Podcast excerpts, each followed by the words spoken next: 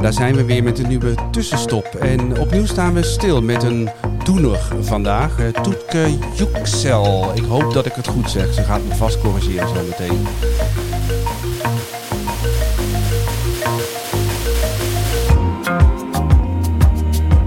Leek het er een beetje op? Zei ik het goed? Je zei het hartstikke goed. Ik hoef het helemaal niet te corrigeren. Jee. Ehm, we zijn thuis. Ja. Maar nu echt. Ja, welkom. Dank je. Ja, dit is uh, een, uh, een plekje in Wageningen die we hebben opgezet. En we is uh, Elsje en ik en een hele hoop andere mensen uit Wageningen. En dat hebben we vijf jaar geleden gedaan. En dat is natuurlijk niet zomaar uit het niks ontstaan. Um, ik heb eigenlijk altijd al een wens gehad om, om te werken aan het samenbrengen van mensen. Um, en om dat dan ook fysiek te kunnen gaan doen. Dat is nu in tijden van corona natuurlijk best wel een uitdaging. Um, maar ja, dat is een, uh, een, hele tijd geleden begonnen eigenlijk al. Zaadjes zijn vroeg geplant door mijn ouders. Daar ja. is het begonnen? Ja, het is echt maar heel... is, heb, je, heb je dan dat thuisgevoel wel meegekregen of heb je dat juist heel erg gemist? Um, nou, ik heb het wel meegekregen. Wel vanuit huis, maar ook wel heel erg gemist. En dat heeft ook wel dat klinkt heel gek. Ja, I know. Het... Vertel, waar kom je vandaan? Waar ben je opgegroeid? Ik ben geboren en getogen in Berg op Zoom in Noord-Brabant. En ik was altijd wel een beetje introvert. Dus ik las heel veel. En uh, dat was eigenlijk uh, uh, wat ik het liefste deed. En we gingen ook, denk ik, wekelijks naar de bibliotheek. En mijn moeder vond het heel belangrijk dat ik las. En dat ik op die manier toch een stukje de wereld ontdekte. En heel veel van mijn vrienden die uh, speelden liever buiten. En dat was niet helemaal aan mij besteed. Ik las denk ik echt op de raarste plekken. Op de fiets, op bruiloften, um, in bed met een klein zaklampje aan. En dat heeft me wel heel veel geleerd. Heb je broertjes en zusjes? Ik heb een zusje. Eén zusje? Ja, die las niet zo graag. ik heb één zusje en die is uh, drie jaar jonger dan ik. En die woont nu in Amsterdam. En uh, we lijken eigenlijk niet zoveel op elkaar. En tegelijkertijd ook weer wel. Want ik lijk extroverter dan zij, maar tegelijkertijd zijn we allebei heel erg op onszelf. En denken we dat we heel goed dingen zelf kunnen oplossen. Um, en uh, plannen we ons leven eigenlijk uh, zelf uit. En bedenken we wat we willen gaan doen en hoe en wat. En dan gaan we dat gewoon doen. Ik zat eigenlijk een beetje te vissen naar dat thuisgevoel. Ja. Uh, wat je hier probeert te creëren voor een hele stad. Ja. En uh, um, hoe was dat dan thuis? Was het wel, was het wel leuk? Speelde je met je zusje? Of, want, want zoals je het nu Oh. beschrijft, zat jij uh, op de kamer te lezen. Waar ik heel erg mee heb geworsteld, is opgroeien tussen twee culturen in. En ik denk dat daar een stukje zit wat um, het thuis voelen voor mij een lading geeft. Um, Want de twee culturen, voor de duidelijkheid. Ja, ik heb een Turkse achtergrond. Ik, uh, mijn ouders zijn geboren in Turkije en in de jaren tachtig uh, naar Nederland gekomen. En ik ben hier wel geboren en getogen. Um, van mijn moeders kant zijn er ook familieleden mee overgekomen. Dus ik heb hier wel ooms en tantes zitten. En uh, op Zoom was ook een vrij gemixte stad. Dus er waren gewoon mensen van allerlei achtergronden en afkomsten. Um, ik heb zelf op een basisschool gezeten met heel veel um, mensen met een biculturele achtergrond. Ik ben op een gegeven moment naar een, een wit uh, gymnasium gegaan. En dat was een wereld van verschil. En ik heb dus ook altijd geworsteld met dat gevoel van thuis. Waar hoor ik in? Um, ik las heel veel, maar mijn vrienden en familie niet. En dat zorgde wel soms van, is, klopt dit wel? Matcht dit wel? Um, ik vond het leuk op vroege leeftijd om te filosoferen over het leven. Maar um, mijn vrienden hadden het veel liever over de Spice Girls en de Backstreet Boys. Ik wilde vroeger al voor de Verenigde Naties werken. Maar op mijn negende moest ik nog wel uitleggen aan mijn vrienden wat de Verenigde wat Naties zijn. Dus um, ik heb me heel vaak je ging wel... wel hard hoor, als je daar op je negende al mee bezig Ik wilde heel graag koffie en dan worden. Ik vond dat, ik weet niet, ik vond het zo vet. En wat ik daar zo vet aan vond, was dat hij dat het... Je beschrijft dit als een rockster ook. Oh. Koffie Annan, zo vet. Ja, maar die, in, in mijn beleving van toen was dat een man die op een positie stond waar hij invloed had op de wereld om hem heen. Waarin hij ehm, eh, kon strijden voor gelijke rechten, voor een eerlijkere wereld, voor verduurzaming. En um, een stem geven aan de mensen die geen stem hadden. Dat was mijn beeld toen ik jonger was. Op je negende. Van ehm, de, de politiek en van die, van die wereldleiders. En, um, en ik wilde me van jongs af aan al inzetten voor hen die het minder hadden of ongelijkheid. En in mijn wereld was dat in eerste instantie dieren, want die hebben geen stem. Die kunnen niet voor zichzelf opkomen. Later is dat ontwikkeld naar uh, uh, gendergelijkheid, vrouwen.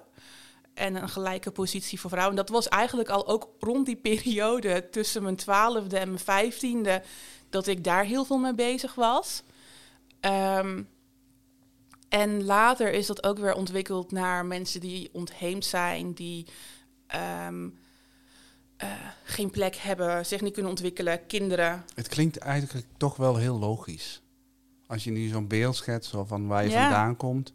Ik hoorde je net vertellen, mijn moeder die stimuleerde me heel erg. Ja. Tegelijkertijd verzamelde jij kennis, waardoor dat eigenlijk weer misschien wel conflict opleverde. Mhm. Maar toch vond ze het belangrijk dat jij en waarschijnlijk je zusje ook een stap verder konden komen. Precies, en ik denk ook, want daar hebben we het later met mijn ouders over gehad. Kijk, mijn ouders komen uit een cultuur waar niet heel veel gepraat wordt over dingen.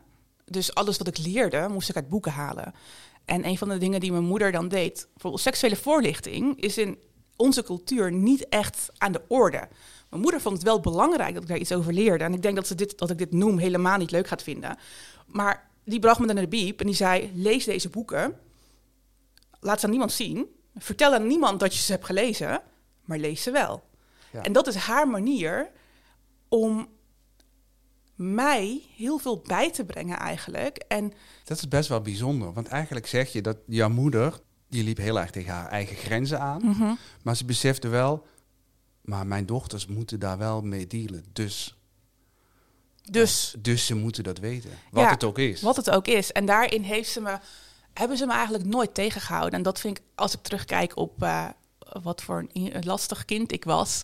En hoe lastig ik het ook heb gemaakt. Hè? Want hoe meer mijn ouders me gaven, hoe meer ik ook wilde. Um, en dat zorgde wel voor conflict. En dat is ook dat stukje wat ik bedoelde met ontheemd zijn of thuis voelen. Aan de ene kant zeiden mijn ouders, ga erop uit en leer. En tegelijkertijd ze, maar pas op. Want als andere mensen je dit zien doen, zullen ze over je praten. En dat is niet de bedoeling. Um, dus er was altijd een soort van conflict van oké, hoe kan ik mezelf compleet zijn in alles wat ik ben en toch ervoor zorgen dat mijn ouders gerespecteerd blijven in onze gemeenschap. Dus het was uh, altijd een beetje een strijd, ook met uitgaan. Ik mocht niet uit, maar ik deed wel, stiekem. Ik denk dat mijn ouders dat onderhand wel beseffen. Maar dan ging ik gewoon met mijn beste vriendinnetje logeren en dan gingen we samen uit. En soms dan uh, was ik aan het hyperventileren omdat ik dacht, oh, ik heb iemand gezien, die heeft mij ook gezien. Wat als ze het morgen aan mijn ouders vertellen? Tot aan, um, nou ja. Nou moet ik zeggen, je koppelt nou wel een aantal dingen ook aan, aan, zeg maar jouw culturele achtergrond, die ik ook herken. Ja? Ja hoor. Ik ben zelf opgegroeid in Zuid-Limburg en, en zeg maar die spanning van dat je iets doet waarvan je denkt dat je ouders het, niet, weten ja, precies. en het wel weten. Ja. En, en weet je, ja. Nee, ik denk wel dat daar heel veel herkenningspunten in zijn. Want ik zie dat ook wel natuurlijk heel erg terug in, uh, in uh, toen ik opgroeide ook wel bij vrienden. Weet je, je bent de grens aan het opzoeken. Je bent uiteindelijk ook gewoon een puber. Um, maar de manier waarop daar binnen, um, binnen ons gezin mee om is gegaan, is dat het wel op een gegeven moment heel erg verschoven is naar dit komt door, een cult, tot, komt door het culturele verschil. Jij gaat naar een witte school waar jouw witte vriendinnetjes willen gaan stappen. Jij wilt bij hen horen, dus je gaat stappen. Ja, ja, ja, ja. En omdat dat um, zo expliciet werd gemaakt. Ik bedoel, ik heb zelf ook gewoon therapie gehad hoor, om te praten over die culture clash. Um, en uiteindelijk ben ik gaan backpacken met heel veel strijd uh, in Azië. En ik ben toen een aantal maanden weg geweest. En um, dat heeft voor mij heel veel ruimte gegeven, omdat ik daar eigenlijk mezelf heel vrij voelde. En later ben ik naar Wageningen gekomen om te studeren. En eigenlijk heb ik me hier pas voor het eerst echt thuis gevoeld. En dat komt omdat er een soort van vrijheid meekwam. Waarin alle verschillende identiteiten die je hebt, of alle verschillende facetten die je hebt in je eigen zijn, dat die er konden zijn zonder dat, dat, je, dat daar een waardeoordeel over was. Natuurlijk waren die hier misschien, misschien ook wel, maar. Ehm, je voelde daar geen rem in. Je kon het gewoon er laten zijn. Ik kon het er gewoon Mensen laten zijn. vinden er iets van, maar er was geen conflict op een of andere manier. Nee, omdat voor mijn gevoel, kijk, ik ben hier opgegroeid. Ik voel me Nederlands, ik voel me ook Turks. Er is geen of-of. Het, is, het zit in elkaar verweven. En hier... Waarom is dat ook gek? Ik bedoel, ik voel me, ik voel me Nederlands, maar ik voel me ook Limburgs. Ja. En weet je, ik wil niet zeg maar, de vergelijking helemaal doortrekken, maar het is toch heel, heel normaal dat je niet één ding bent. Absoluut, het is heel normaal. Maar als je kijkt, en dan ga ik hem even wat groter trekken. Als je kijkt naar de politiek en naar, naar hoe onze samenleving wel voor een deel zich ook uit, dan moet je kiezen. Dan moet je kiezen of je het ene paspoort hebt of het andere. Je kan niet en voor Nederland zijn en voor Turkije zijn. Je kan niet en en dat. En als je daarmee opgroeit, als je die boodschap van buitenaf krijgt, en die is heel vaak gericht wel richting nou ja, mensen met een. Ja, daar heb jij last van, ik niet. Precies. En hoe deel je daar dan mee als je opgroeit? En, en hier had je daar voor het eerst geen last van. Hier had ik daar voor het eerst geen last van.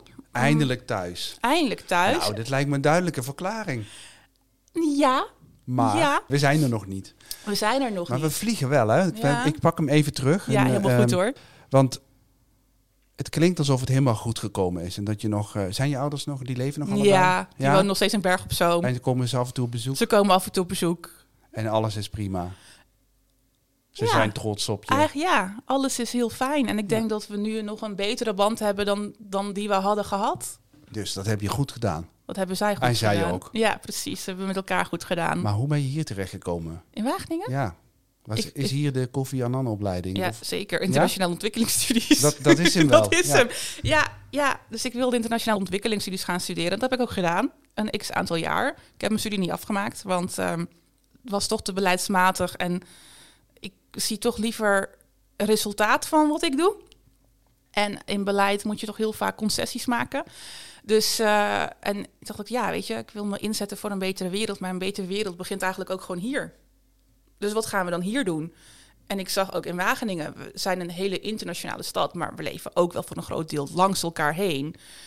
Dus hoe, hoe bouw je daar dan die bruggen tussen? Tussen mensen die ehm, eh, verschillend zijn. En dat je die verschillen waardeert. En, en dat je dan zegt, oké, we zijn anders.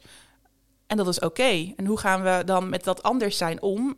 Maar ook hoe gaan we om met wat hetzelfde is? Want we willen uiteindelijk allemaal, of je nou hier studeert en uit Nederland komt of uit het buitenland komt, of dat je nou aan de unie werkt of dat je ehm, in de bijstand zit. Uiteindelijk willen we allemaal een fijn leven. Uiteindelijk hebben we allemaal dromen voor ook de generaties na ons. En willen we een dak boven ons hoofd? Willen we ehm, vrienden en familie om ons heen? Ehm, en willen we werken aan ons eigen geluk en het geluk van de ander? En daar zit de gelijkenis in. En als we dat dan samen kunnen brengen op een plek, En toen dacht je, oké, klaar met die studie. Ik ga wat anders doen. toen dacht ik, ja, dat studeren is toch niet helemaal wat voor mij. En ik zat toen voor mijn huisje met een eh, vriend, we waren in gesprek. En hij zei, wat wil je nou het liefst? Toen zei ik, nou, thuis bij Toets. Zei, wat is dat dan? Ik zei, nou, ik wil gewoon een hele grote open keuken met een open haard erin. En iedereen mag binnenlopen. Ieder moment. En dan gaan we gewoon lekker kletsen en kijken ja, wat iemands dromen zijn en wat iemand dan wil. En dat heeft, ehm, het was denk ik ergens in mijn vierde jaar in Wageningen.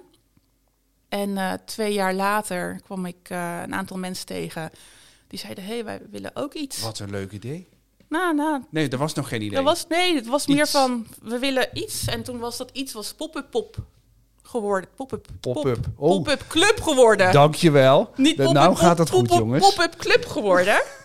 ja, we hebben een bar gehad voor een aantal eh, maanden in de binnenstad van Wageningen. En dat vond ik hartstikke leuk. Maar dat was voor mij iets te veel, ja, iets te veel feest. En iets minder het maatschappelijke impact, zeg maar. Of in hoe ik dat in- interpreteer. En eh, toen zag ik, hey, als je dus een idee hebt, kun je dat heel makkelijk, nou niet makkelijk, maar kun je dat wel omzetten tot iets realistisch. En toen was het zaadje nog groter geworden. Dus dat, de pop-up club was voor jou de eerste poging om zeg maar iets voor elkaar te krijgen. Ook in het ambtelijke wereldje. We denken, oké, we gaan met een plan ergens heen. We proberen geld bij elkaar te krijgen. En... Nou, het was niet mijn eerste ervaring. Maar het was wel uh, mijn eerste ervaring hier in Wageningen op die manier. Dat je dacht, dit kan gewoon. Ik dit kan, kan dit. Ja, of wij kunnen dit. Als je een idee hebt en je deelt hem, dan kunnen mensen aanhaken. Dan kunnen mensen zeggen, hé, hey, dat vind ik ook leuk, daar wil ik wel mijn tijd aan besteden. Of hé, hey, ik ken wel iemand die uh, geld heeft, uh, zal ik jullie elkaar verbinden. En ben jij dan de persoon die inderdaad dat, dat gesprek doet? Of ben jij de persoon die de spreadsheets maakt? Ik ben de persoon die een gesprek doet. Ik ben niet van de spreadsheets. Ik heb net met mijn collega even naar heel gesprek gehad over getallen. Dat is niet mijn sterkste kant. Nee. Uh, je zei met mijn collega Elsje. Elsje bedoel ik dan, ja. jullie hebben met z'n tweeën thuis ja. opgericht. Ja. ja, we zijn um, dus nu hoeveel jaar geleden? Vijf, 2015 is het opgericht. En in 2000... Het afgelopen jaar had een feestjaar moeten zijn. Ja, we hadden hele leuke dingen in, in petto. We hadden heel veel leuke dingen gepland. En uiteindelijk is alles uh, veranderd.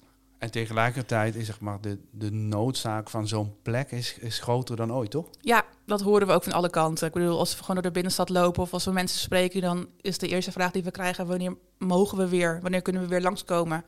En we hebben natuurlijk wel dingen geprobeerd online, maar online is toch anders dan in het echt, dan real life. En, ehm, en je merkt het ook wel. Ik bedoel, uiteindelijk zijn we toch. Uh, ja, gemeenschapsdieren. We zijn onderdeel van een, een, netwerk. En, ehm, en ik denk dat juist deze tijd laat zien hoe veel kracht er gehaald kan worden uit een netwerk als alle mensen verbonden zijn. En uh, ja, ik hoop dus ook dat we heel snel weer mogen gaan. Um, maar deze tijd heeft ook heel veel tijd. Het corona heeft ons ook wel heel veel tijd gegeven om na te denken. Deden we de juiste dingen? Deden jullie de juiste dingen? Voor een deel deden we de juiste dingen. Voor een deel konden we dingen ook wel anders doen. En, um, dus je hebt de tijd gebruikt oké, wat, wat kan er beter? Ja, wat kan er beter? Wat kan er anders? En hoe kunnen we onze impact vergroten? En daar hebben we een plan op gemaakt uh, afgelopen zomer. En dat plan hebben we in werking gezet. En binnen drie maanden hadden we daar ook financiering voor kunnen regelen. Dus blijkbaar was het wel een goed plan. Dat wisten we natuurlijk zelf al wel, maar ja, je, je weet nooit hoe een ander erop reageert. En, uh, en, dankzij die financiering kunnen we ook groeien als thuiszijnde. En dat betekent uh, uh, letterlijk, we kunnen meer betaalde medewerkers ja, ik zag vacatures. Dat is dus het direct gevolg dat van is een direct gevolg. Ja, dat is een direct gevolg. En dat betekent dat, dat um, onder andere Elsje en ik ook meer tijd vrij hebben om juist te gaan werken aan uh, maatschappelijke vraagstukken die ook buiten de muren van thuis omleven. Want we zien eigenlijk heel veel uitdagingen. En corona heeft alleen maar meer uitdagingen bijgebracht en kansen. Maar ja, dan moet je er wel iets mee kunnen gaan doen. Want daar wilde ik het even over hebben. Want ik, eh, ik, ik, kom hier regelmatig hè, als, als, inwoner van Wageningen. En ik vind het inderdaad echt een fijne plek. Het is niet te overdesigned, als je snapt wat ik bedoel. Weet je, ik bedoel, het is geen uh, bagels en beans. En, en, nou zijn die niet zo hip, maar het is echt gewoon een huiskamer. Ja. En ik zie hier veel mensen die, die regelmatig terugkomen. Dus je hebt een aantal vaste gasten, zeg maar. Um, maar ik kan me ook voorstellen dat het een plek is die. Nou, problemen is een groot woord, maar, maar dat er dingen naar jou toe komen waarvan je vervolgens denkt: ja, maar daar moeten we iets mee. Ja. We moeten niet alleen maar mensen binnenlaten en een kopje koppie geven, maar deze mensen die lopen ergens tegenaan en eigenlijk willen we ze helpen. Ja, nou, dat gebeurt ook, maar het gebeurt op heel veel verschillende vlakken. Um, er komen mensen binnen die zeggen: hey, uh, ik liep door de binnenstad en ik zie dat er gewoon zoveel afval ligt op straat. En zeker nu met corona en al die afhaal koffiekopjes, het is gewoon best wel slecht voor het milieu. Daar wil ik iets aan gaan doen. En dan zeggen we, nou, heb je dan een idee? En wat zou je er dan willen gaan doen? En hoeveel tijd wil je daaraan besteden? En dan heeft iemand wel een idee, maar niet een netwerk en niet de middelen om daarmee aan de slag te gaan. Maar die hebben wij wel. Dus dan proberen we die persoon te verbinden aan mensen binnen de gemeente, aan mensen die hier een winkel hebben of een horeca-tent runnen. En we denken mee over financiering. En op zo'n manier kun je binnen twee maanden um, een verschil maken voor de binnenstad in het kader van verduurzaming. En hebben we nu in een aantal horecatenten de Billy Cup. Dat is een, een mok met uh, statiegeld die je dan bij de ene winkel voor een euro kan kopen en bij een andere weer kan inleveren. En daarmee besparen. En dat is het resultaat van iemand die hier langs kwam en zei: ik, ik zie dit en waarom kunnen we hier niks aan doen? Precies, dat is, dat is een direct resultaat. En dat is dan ook binnen twee maanden geregeld. En anderzijds zien we ook andere vraagstukken. Bijvoorbeeld dat er een toename is van jongeren die ehm, hier zeggen: ik kan ik hier misschien wat vrijwilligerswerk gaan doen. Ik kom eigenlijk net aan een burn-out. Ehm, en ik wil me wel actief, ik wil me wel inzetten, maar ik wil niet te veel verantwoordelijkheid. Ik wil gewoon een beetje laagdrempelig nou ja, koffie schenken bijvoorbeeld. Nu bieden we daar zelf geen nou ja, zorgprogramma's voor, want we zijn geen zorgverleners. Maar iemand mag hier wel zijn en iemand mag dan wel daarin meedoen. En die krijgt daar wel dan nou ja, een verantwoordelijkheid in. En als we daar merken dat we in een korte tijd niet één, niet twee, maar tien jongeren op die manier binnen gaan krijgen, dan gaan we de bel trekken en dan zeggen we: hey, dit is een, een, een, trend, hier moeten we iets mee. En dan gaan we in gesprek met uh, hen, maar dan gaan we ook in gesprek met een universiteit of met een, uh, een psycholoog of met een gemeente en zeggen van hé, hey, we zien hier iets en zien jullie dat ook? En als jullie dat ook zien, moeten we hier dan iets mee en wat kunnen we er dan mee? En dan uh, gaan we ermee aan de slag, maar die processen duren langer. Moet je ook wel eens nee zeggen? Want ik kan me voorstellen dat je, je, je wordt ook een soort asiel dat iedereen omarmt en vervolgens, ja, je kan natuurlijk niet alles en iedereen uh, omarmen. Nee, klopt. Maar je kan wel altijd doorverwijzen. Je kan wel altijd iemand maar een stapje doorverwijzen helpen. is ook echt heel naar soms, toch? Dat, dat doet toch pijn? Want eigenlijk, het, het, gaat over doorverwijzen omdat jij zegt, we zitten vol. Nee, het gaat ook. Niet. Nee, ja, nou ja, maar het gaat ook om doorverwijzen met, het, met, het, met de melding: iemand anders kan het beter dan ons. Um, ja, we zitten vaak vol. Want we zien overal kansen en uitdagingen en we zien overal mogelijkheden om bij te dragen. Dat betekent voor ons, en dat hoort ook bij die doorontwikkelplannen, keuzes maken. Waar kies je op? En dat die keuzes worden voor ons nu wel geleid door waar kunnen we een grote impact hebben. Dus hoe kunnen we onze tijd dan zo efficiënt mogelijk inzetten en toch een verschil maken voor de wereld van morgen? Um, en daarin hoort ook een stukje, hey, um, als jij hier binnenkomt en je hebt bijvoorbeeld nou ja, zelf echt psychische problemen of, of iets, nou, daar kunnen wij je niet bij helpen. Wij zijn geen artsen, geen doktoren, geen um, dagbesteding. Maar we kunnen je wel doorsturen en zeggen van... hey, als je nou echt, echt hulp nodig hebt... ga eens met die en die praten of met deze organisatie. Um, en als je hier nog steeds binnen wil komen om een kop koffie of een boekje te lezen... dan kan dat altijd. We, we focussen nou misschien meer op problemen dan, dan de dagelijkse werkelijkheid van thuis. Ik weet het niet. Ja, nou, ik denk dat de, de, de, dingen die je benoemt, die, die um, benoemen wij niet op die manier.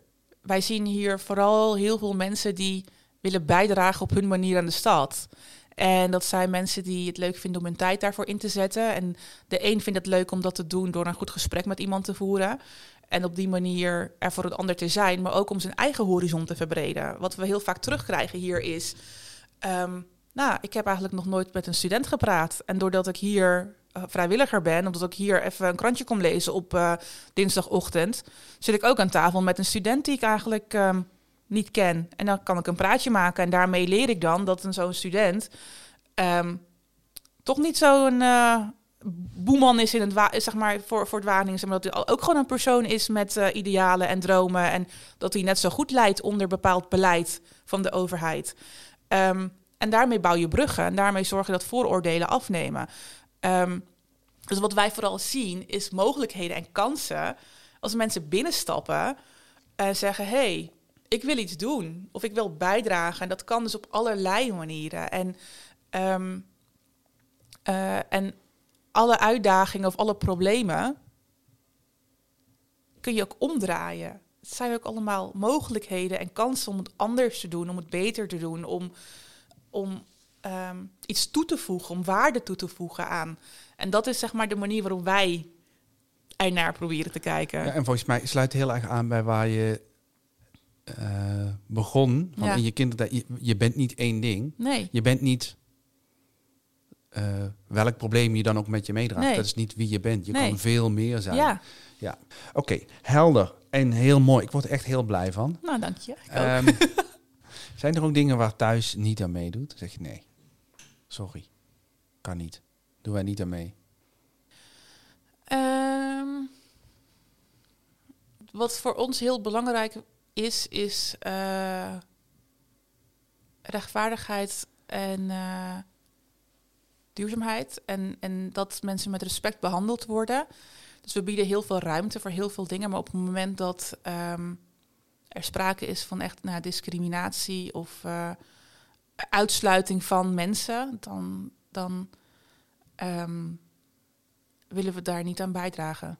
Maar dat zijn dus de kaders, die zijn, die zijn heel helder. Dat, ja. En zodra je daar binnen valt, dus uh, wij, wij zijn echt heel anders staan we ergens in, maar ik kan naar jou luisteren en jij naar mij. Ja.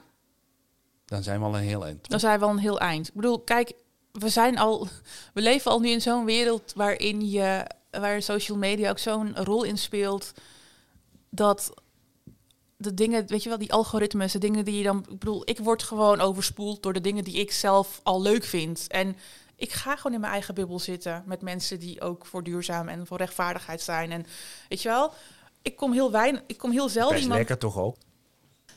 Ja, maar als je ver, uh, werkt aan verbinding en aan minder verdeeldheid en minder polarisatie en meer samen, dan helpt het niet om alleen in je eigen bubbel te zitten. Nee.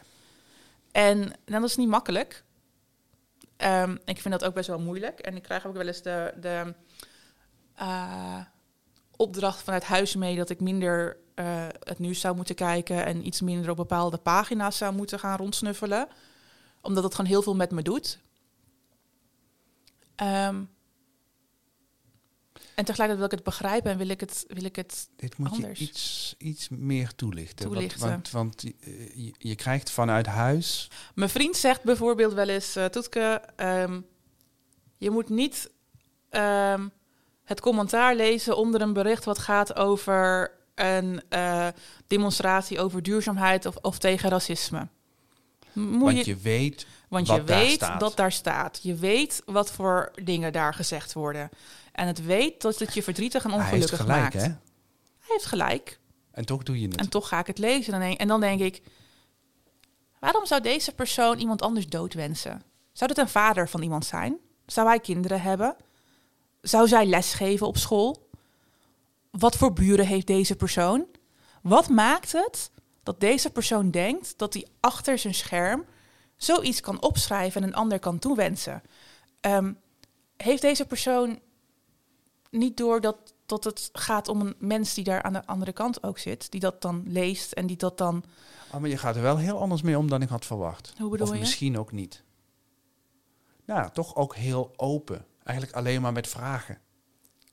Je begint niet met een oordeel, wat natuurlijk heel makkelijk is. Want je hebt iets waar jij uh, achter staat. En vervolgens staan eronder berichten die uh, iemand doodwensen. Of, en dan kan je natuurlijk helemaal zeggen, belachelijk en schandalig. En, en, maar dat doe je niet. Jij doet precies het tegenovergestelde. Je stelt alleen maar vragen. Ja, ik bedoel, ik, ik veroordeel het wel in die zin dat ik denk, joh, dit is gewoon echt niet oké dat je dit doet. Dit is gewoon echt niet oké.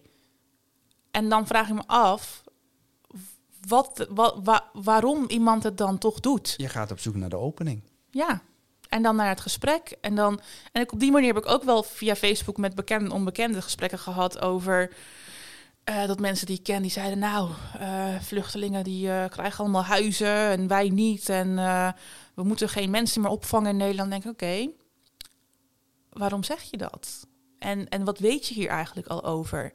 En dan ga je in gesprek en dan begin kan, en dat doe ik liever wel met bekende mensen, met onbekende mensen. Onbekende mensen reageren dan toch vaak uh, heel, heel kort door de bocht. Uh, zeker online. Maar mensen die ik dan wel ken, die reageren dan toch ook open. Die zeggen, nou ja, ik heb dit gelezen en ik heb dat daar vandaan gehaald. En dan denk ik, oké, maar weet je dan dat bijvoorbeeld voor Wageningen geldt dat er zoveel huizen zijn die beschikbaar gesteld worden voor die doelgroep? Oh, dat wist ik eigenlijk niet. Oh, dat is ook best wel weinig eigenlijk. Oh ja, en dan ga je dus eigenlijk samen leren. En dan hoor je dus weer dat zo'n persoon zegt: Ja, weet je, ik gun het die mensen ook wel eens een huis hebben. Maar ik sta ook al twintig jaar op de wachtrij. En dat is ook waar. En dat is ook waar. En dat is ook zuur. Alleen de schuld ligt niet bij die vluchteling. Die schuld ligt bij beleid die landelijk wordt gemaakt. Je moet toch de politiek in hoor. ik wil heel graag de politiek in. Toch wel? Ja, zeker. Ik maar zei ik weet net, nog je moet toch de politiek in. Maar eigenlijk is het natuurlijk helemaal niet goed voor je. De politiek? ik heb geen dikke huid. Ik heb dat. Slangenkuil. Nee, nee, ik, nee, nee, nee, Ik heb maar wel. toch zou het goed zijn voor de wereld als jij de politiek in ging. Nou, dat weet ik niet. Ik weet niet of dat waar zou kunnen maken. Ja, ehm, ik ook niet. Maar ik bedoel, weet je, alles is politiek. Ook de keuzes die je dagelijks maakt. Weet je, wat, wat eet je, wat koop je. En ik ben daar zelf echt niet 24 uur 7 mee bezig. Want dat is ook best wel heel heftig. Maar ehm, weet je, waar je beweegt, naar wie je luistert, wat je wel doet, wat je niet doet. Daar, daar ja, met al de keuzes die je maakt, kun je invloed hebben op. En, ehm, en bij sommige dingen probeer ik daar bewust in te zijn en zeggen, nou, ik kies hier wel voor en daar niet voor. Ehm, dus je hoeft niet per se de politiek in om politiek, te, bedrijven. Precies. Oké. Nou, uh, laten we thuis groter maken, zodat het een uh, factor van uh, politieke kracht wordt. Nou, politiek. Ik hoop vooral dat het een, ehm, een, bewe een beweging is waarin mensen wel echt door en door kunnen beseffen. Als, ik kan wel een verschil maken. Zie je beweging? Je bent nu vijf jaar bezig. Heb je, heb je het idee dat je iets bereikt hebt? we opereren best wel op kleine schaal. Um, Wageningen is ons speelveld. En wat ik daarin merk, is dat we wel mensen elders ook kunnen inspireren met wat we hier doen. Maar dat, het, um, dat we ook wel dat je toch op een bepaalde manier invloed kan hebben op beleid. Door in te spreken, door dingen te signaleren en door te, door te spreken. Maar beleid loopt altijd een beetje achter op de werkelijkheid. Dus het resultaat van het werk wat je doet, is pas vaak wat later zichtbaar in beleid. Je bent vooral aan het lobbyen van hey, dit moet eerlijker, dat moet rechtvaardiger. Uh, waarom is hier geen aandacht voor? En op die manier hebben we wel aandacht kunnen vragen voor onderwerpen als uh, nou ja, mentale gezondheid of uh, nou ja, racisme en discriminatie, um, inzet op preventie, um, welbevinden, woningnood, dat soort dingen. Maar structurele veranderingen is wel een uitdaging. Zoals jij het nu beschrijft, um, zou ik zeggen dat de structurele verandering in Wageningen het bestaan van zoiets als thuis is. Dat er een plek is waar iemand met zo'n idee naartoe kan komen en dat er dan een bal gaat rollen, dat is natuurlijk wel structureel. Dat, is, dat is iets anders dan iemand heeft een idee, gooit een envelopje ergens in een brievenbus en hoort nooit meer iets. Nee, maar dat klopt ook wel. Ik denk dat als ik kijk ook naar hoe thuis is ontstaan, als een experiment eigenlijk en een proeftuin en kijken hoe dat gaat. Uh, en wat de, de, rol van de gemeente is geweest, kun je wel zeggen dat het, het bestaan van iets zoals dit um, inderdaad wel structureel verandering. Daar heb ik er nog helemaal niet naar dat gekeken. Mensen weten inmiddels van, hé, hey, ik weet niet precies, maar ik wil iets. Nou, dan ga je hier naartoe. Ja. Ja, en dat is heel erg leuk om te zien. En het wordt ook steeds bekender en dat vind ik heel erg fijn. En waar zijn we over vijf jaar? Um, nou, ik hoop dat we over vijf jaar. Uh, liefst zou ik zeggen dat we over vijf jaar niet nodig zijn. Snap Niet nodig zijn om. Maar dat, dat er overal mensen zijn die opstaan, een beweging, bewegingen zijn. Um, sterkere netwerken zijn binnen Wageningen. Uh, en dat we echt stappen maken richting. Uh, ja, kom weer terug op mijn, op mijn uh, woorden. Een eerlijkere, rechtvaardige stad. En ik hoop dat we daar als thuis een, in, in, een, een rol in kunnen spelen en mogen spelen. Dat hoop ik. En ik denk dat we dat wel kunnen gaan doen. Gaat wel lukken, toch? Jawel, ik denk dat het wel gaat lukken. Alleen ik vind het zo moeilijk om te beschrijven waar we over vijf jaar staan. Waar we over vijf jaar zijn. Ik hoop dat we nog steeds gewoon ons, ons, ons stinkende best doen, zeg maar. Om uh, om mensen bij elkaar te brengen en om mensen te betrekken bij vraagstukken die ertoe doen, die iedereen beïnvloedt. En als het dan niet meer nodig is, dan is thuis gewoon die plek waar die open haard is. Want die hebben we nog niet, toch? Ja, precies. Dan kunnen we taarten bakken de hele dag. Oh, ja. Ik heb er nu al zin. Dankjewel en heel veel succes. Dankjewel. Ik kom graag uh, thuis, bij thuis. En ik hoop jullie ook luisteraars. Probeer het een keer.